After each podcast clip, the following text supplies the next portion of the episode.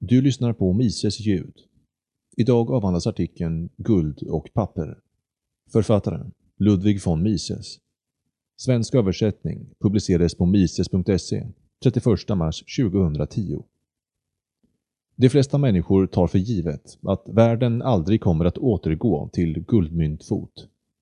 Det säger att guldmyntfoten är lika förlegad som häst och vagn Systemet med statlig kommandovaluta ger statskassan de pengar som krävs för en givmild spenderingspolitik som gynnar alla. Det tvingar upp priserna och lönerna och det tvingar ner räntan och skapar således välstånd. Det är ett system som är här för att stanna. Oavsett vilka dygder man oförtjänt vill tillskriva den moderna varianten av dollarstandarden är det en sak den absolut inte kan åstadkomma. Den kan aldrig bli ett permanent, varaktigt system av pengaförvaltning. Den kan endast fungera så länge som folk inte är medvetna om det faktum att staten planerar att behålla den. De påstådda fördelarna som kommandovalutans förespråkare väntar sig från systemet de förespråkar är endast temporära. En injektion av en bestämd mängd nya pengar till nationens ekonomi startar en boom då den höjer priserna. Men när väl dessa pengar har uttömt all sin prishöjande potential och alla priser och löner har justerats till den nya, ökade mängden pengar i cirkulationen, avstannar den stimulans som gavs till affärsverksamheten. Således, även om vi underlåter att behandla de icke önskvärda och ovälkomna konsekvenserna och samhälleliga kostnaderna av sådana inflationistiska åtgärder, och för argumentets skull, även om vi accepterar allt som expansionismens budbärare för fram till inflationens fördel, måste vi inse att den påstådda välsignelsen hos dessa åtgärder är kortlivad. Om man vill förlänga livstiden är det nödvändigt att fortsätta att öka och öka mängden pengar i cirkulation och expandera kredit i en allt mer accelererande fart. Men även då är expansionisternas och inflationisternas ideal gällande en evig bom som inte kan stoppas av motsatt effekt omöjlig att realisera. En kommandovaluta-inflation kan enbart fortsätta så länge som folkmassorna inte blir medvetna om det faktum att staten är fast besluten att fortsätta en sådan politik.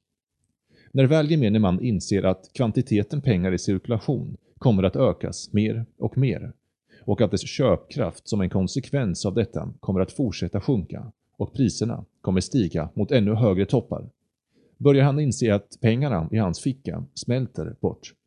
Då tar han till ett beteende som tidigare bara praktiserats av de som smuttkastats som profitörer. Han flyr till fasta värden.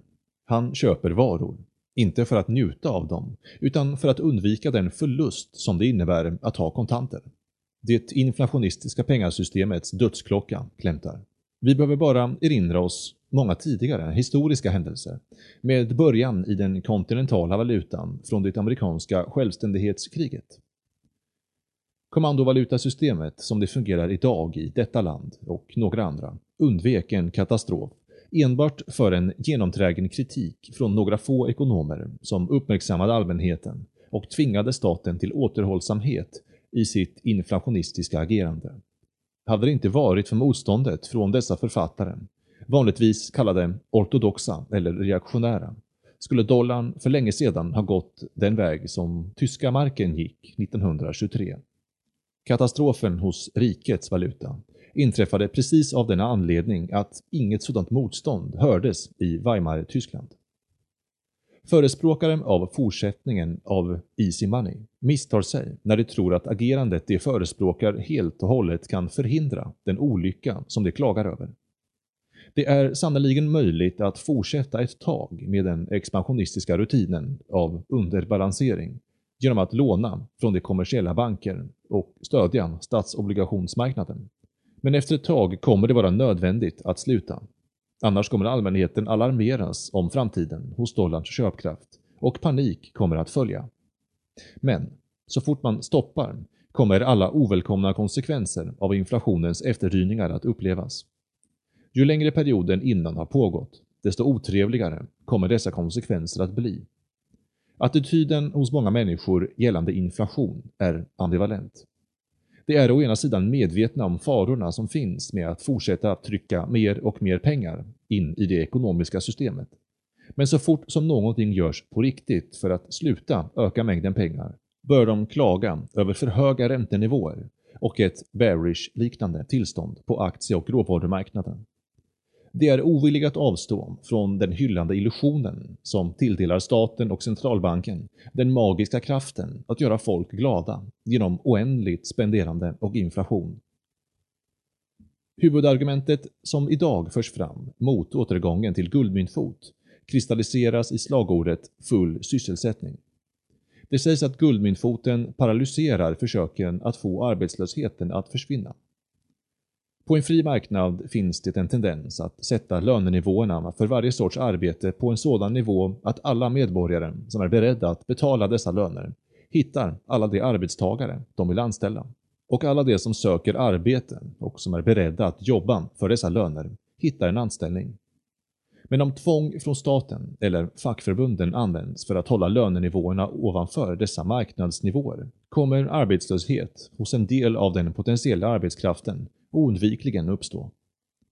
Varken staten eller fackförbunden har makten att höja lönenivåerna för alla de som vill ha jobb.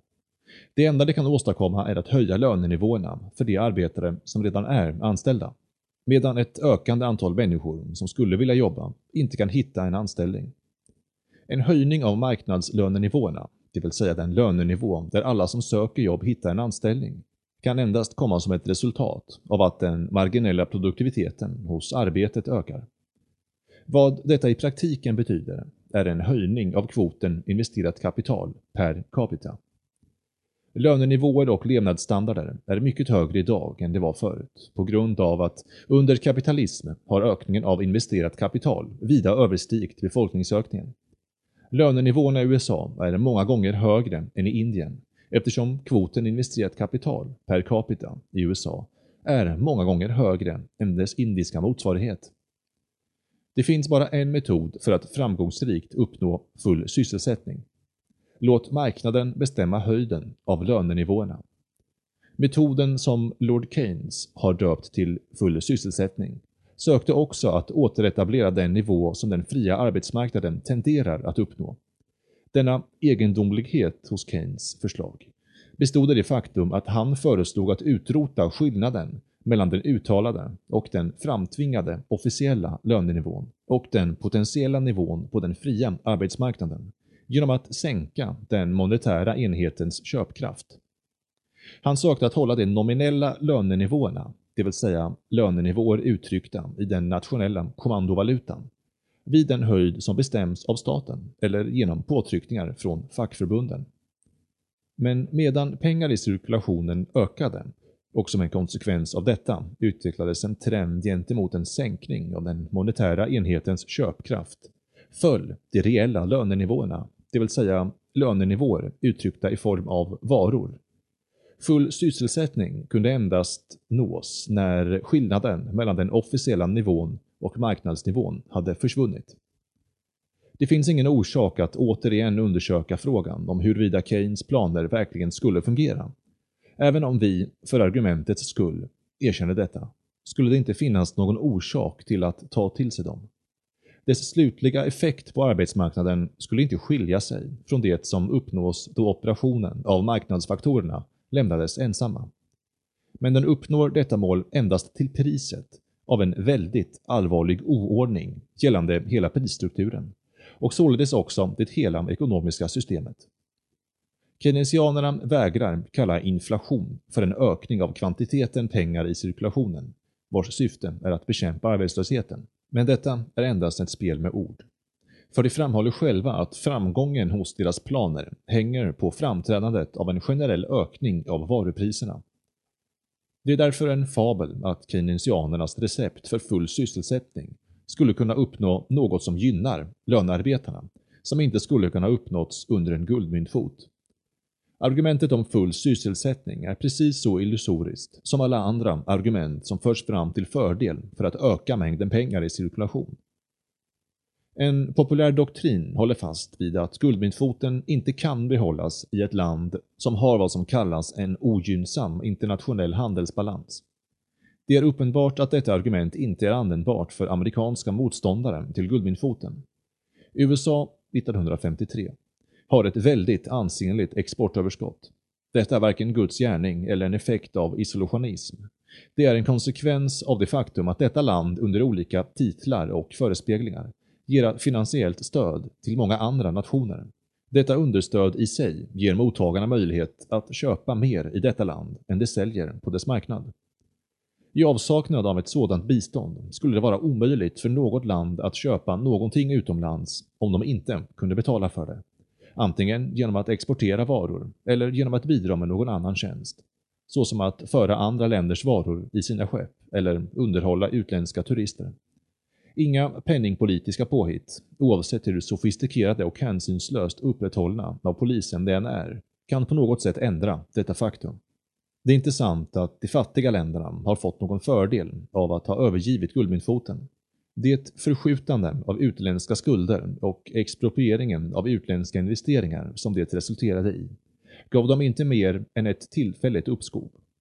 Den huvudsakliga och bestående effekten av att överge guldmyntfoten, upplösningen av den internationella kapitalmarknaden, slog mycket hårdare mot dessa skuldsatta länder än det slog mot de långivande.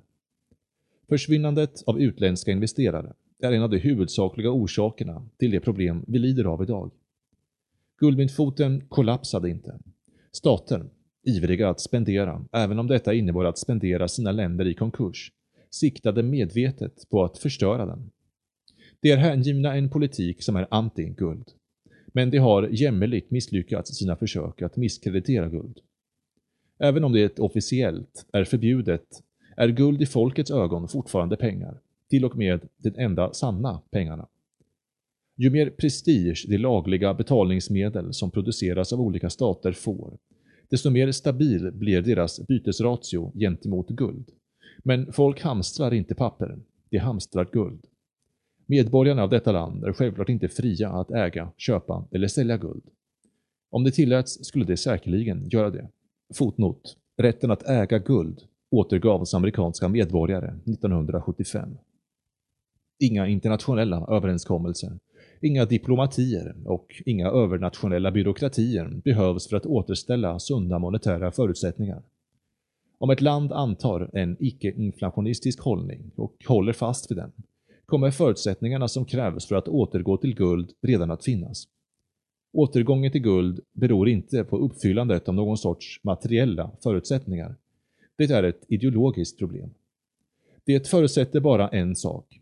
Uppgivandet av illusionen att en ökning av mängden pengar skapar välstånd. Guldmyntfotens överlägsenhet står att finna i det faktum att den gör den monetära enhetens köpkraft oberoende av statens, politiska partiers och intressegruppers godtyckliga och skiftande politiska beslut. Historiska bevis, speciellt under de senaste årtiondena, har tydligt visat på ondskan som finns i en nationell valuta som saknar denna typ av självständighet.